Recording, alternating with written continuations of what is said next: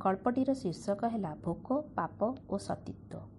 ଲେଖିକା ଚିନ୍ମୟୀ ବାରିକ ଏହାକୁ ପରିବେଷଣ କରୁଛନ୍ତି ମନୀଷା ସାହୁ। ଖୁବ୍ ସୁନ୍ଦର ଗପଟିଏ ପଢ଼ିଲି। କିନ୍ତୁ ଏଥିରେ ଦୁଇଟି ଧାଡ଼ି ବୁଝିହେଲାନି। ନାୟିକାଟି ଚାହୁଁଛି ଭୋକ ନଥିବା ଆଉ ମନରେ ପାପ ନଥିବା ମଣିଷ ପାଖରେ ନିଜକୁ ସମର୍ପି ଦେବ। ଆଉ କୌଣସି ଅନ୍ଧାରରେ କାମୁକ ପୁରୁଷ ପାଖରେ ସତୀତ୍ୱ ହରାଇବନି କେବେ ବି କଥାଟି ମନକୁ ଖୁବ୍ ଆନ୍ଦୋଳିତ କଲା। କ'ଣ ସେ ଭୋକ? ଦୁନିଆରେ କ'ଣ ଏମିତି କେହି ଅଛନ୍ତି ଯାହାର ଭୋକ ନାହିଁ? ମନର ଭୋକ ଆଉ ଦେହର ଭୋକ ନଥିବା ମଣିଷ କ'ଣ ସମ୍ଭବ? ଈଶ୍ୱର ବି ଧରାପୃଷ୍ଠରେ ଜନ୍ମ ନେଲେ ତାଙ୍କର ବି ଭୋକ ଥାଏ ଦେହର ଓ ମନର। ଦେବତାର ଭୋକକୁ ସ୍ୱର୍ଗୀୟ ବୋଲି ବର୍ଣ୍ଣନା କରାଯାଇଛି। ଏଇ ସ୍ୱର୍ଗୀୟ କଥାଟି କ'ଣ ମୁଁ ବୁଝେ ନା ପେଟର ଭୋକ ଲାଗି ଖାଦ୍ୟ ଦରକାର ଆଉ ମନର ଭୋକ ଲାଗି ମଣିଷ ଦରକାର। ଏହା ଦେବତା ବି ଚାହେଁ ମଣିଷ ବି ଚାହେଁ ଆଉ ପଶୁ ବି ଚାହେଁ। ଏହାଠୁ ଅଧିକ କିଛି ବିଶ୍ଳେଷଣ କରାଯାଇପାରେ କି? ସ୍ୱର୍ଗୀୟ ଶବ୍ଦଟିର ଅନୁଭବ କେତେ ଜଣ ଅନୁଭବ କରିଛନ୍ତି? ଅନ୍ତତଃ ମୁଁ ତ କରିନି ଆଜି ଯାଏଁ। ଯେଉଁ ମଣିଷ ପାଖରେ ଦେହର ଭୋକ ମନର ଭୋକ ନାହିଁ ତା ପାଖରେ କୌଣସି ନାରୀ ସମର୍ପିତ ହେବ ବି କିପରି?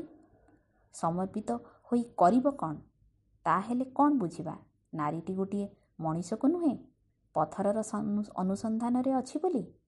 ଅନେକ ବହିରେ ଏଇ କଥା ପଢ଼ିଛି। ମୋ ମୁଣ୍ଡରେ ପଶେନି ଏ କଥା ସବୁ। ଆଉ ପାପ କ'ଣ? ମନରେ ପାପ ନଥିବା ମାନେ? ପାପର କିଛି ମାପକାଠି ଅଛି କି? ଅବିବାହିତା ଝିଅଟି ପିଲା ଜନ୍ମ କଲେ ପାପ ଆଉ ବିବାହ ପରେ ପୁଣ୍ୟ। ଗୋଟିଏ ସିନ୍ଦୁର ଟୋପାର ଏତେ କ୍ଷମତା ଯେ ସେ ସବୁ ପାପକୁ ପୁଣ୍ୟରେ ପରିଣତ କରିଦେବ? ଗୋଟିଏ ଜଡ଼ ଜିନିଷ ମଣିଷର ଚେତନାକୁ ଗୋଟିଏ ସ୍ୱରରୁ ଆଉ ଗୋଟିଏ ସ୍ୱରକୁ ନେଇଯାଉଛି ତାହେଲେ ପୃଥିବୀରେ ଚେତନ ଶକ୍ତିଠାରୁ କ'ଣ ଜଡ଼ ଶକ୍ତିର ପ୍ରଭାବ ଅଧିକ?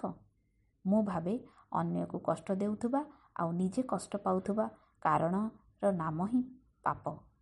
ହେଲେ ଏଠି ବି ଗୋଟିଏ କେଁ ଅଛି। ଆମେ କରୁଥିବା ପ୍ରତ୍ୟେକଟି କାର୍ଯ୍ୟ କିଛି ଲୋକଙ୍କ ଲାଗି ସୁଖଦାୟୀ ତ କିଛି କିଛି ଲୋକଙ୍କ ଲାଗି କଷ୍ଟଦାୟକ। ତେଣୁ ଆମେମାନେ ସମସ୍ତେ କେଉଁଠି ନା କେଉଁଠି ପାପି। ନିଜକୁ ମିଳୁନଥିବା ସୁବିଧା ସୁଯୋଗକୁ ଆମେ ଅନ୍ୟ ଲାଗି ପାପର ଆଖ୍ୟା ଦେଉ। ମୋର ମନେ ଅଛି ଜଣେ ଷାଠିଏ ବର୍ଷର ଲୋକଟି ଯେତେବେଳେ ଗୋଟିଏ ବାଇଶ ବର୍ଷର ଝିଅର ପ୍ରେମରେ ପଡ଼ି ବିବାହ ହୋଇଗଲା ତାକୁ କଇଥ ଗଛରେ ବାନ୍ଧି ପିଟିଥିଲେ।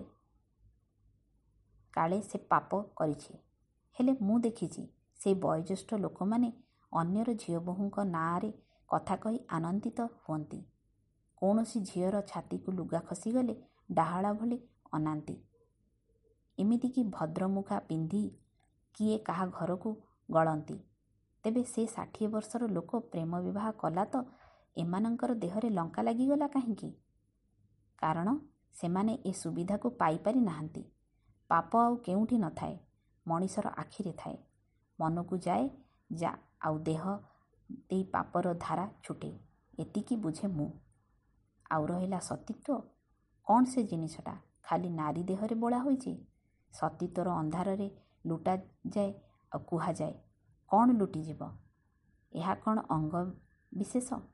ଗୋଟିଏ ନିର୍ଦ୍ଦିଷ୍ଟ ଅଙ୍ଗରେ ସତୀତ୍ୱର ମୋହର ବସିଛି ନା କ'ଣ? ବୁଝି ହୁଏନି ଏସବୁ। ସତୀତ୍ୱ ବୋଲି କିଛି ନାହିଁ। ନାରୀ ମାନସିକତାକୁ ଦୁର୍ବଳ କରିବାକୁ ଏମିତି କିଛି ଅପଶବ୍ଦର ପ୍ରୟୋଗ।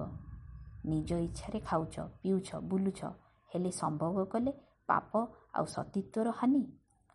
ଏହାକୁ କହୁଥିବା ଲୋକ ବି ଏସବୁ କରୁଥିବ ଲୁଚାଇ ଛପାଇ ପୁଣ୍ୟର ନାମ ନେଇ। ଗୋଟିଏ ଗପ ପଢ଼ିଥିଲି ବଙ୍ଗଳାରେ। ବିଧବା ବାହା ହେଲେ ପାପ ବୋଲି କମ୍ ବୟସର ବିଧବାକୁ ବିବାହ କରିବାକୁ ଦିଆଯାଏନି। ସେ ମନ୍ଦିରର ସବୁ କାମ କରେ। ମନ୍ଦିରର ପୁରୋହିତ ଯାଏ ପାପର ହିସାବ ଦେଖାଇ ତାର ବାହାଘରର ବାଧକ ସାଜିଥିଲେ। ସେ ପୁଣି ପୁଣ୍ୟର ଦ୍ୱାହି ଦେଇ ତାକୁ ମନ୍ଦିର ଭିତରେ ସମ୍ଭୋଗ କଲେ। ପୁରୋହିତମାନେ ଈଶ୍ୱରଙ୍କ ଅବତାର। ତାଙ୍କୁ ଖୁସି କଲେ ଅସୁବିଧା ନାହିଁ। ସେଥିଲାଗି କାଳେ ମନ୍ଦିର ଭିତରେ ଝରକା ନଥାଏ। ହା ହା ହା ହା। ମଣିଷ ନିଜ ସୁଖ ସୁବିଧା ଲାଗି କ'ଣ ନ କରେ। ଆଉ କିଛି ଫାଲତୁ ମଣିଷ ଏହାକୁ ବେଦର ଗାର କହି ସମାଜରେ ଘୂର୍ଣ୍ଣ୍ୟ ଲଗାଇ ସାରିଲେଣି। ମଣିଷ ଯଦି ନିଜର ଆବଶ୍ୟକତା ଭୋକ ମାନସିକତାକୁ ବୁଝନ୍ତା ତେବେ ସେ ସଠିକ୍ ରାସ୍ତା ପାଇବାକୁ ଚେଷ୍ଟା କରନ୍ତା। କିନ୍ତୁ ମଣିଷ ସବୁବେଳେ ଅନ୍ୟକୁ ବ୍ୟବଚ୍ଛେଦ କରିବାରେ ବ୍ୟସ୍ତ। ନିଜ ଲାଗି ସମୟ କାହିଁ?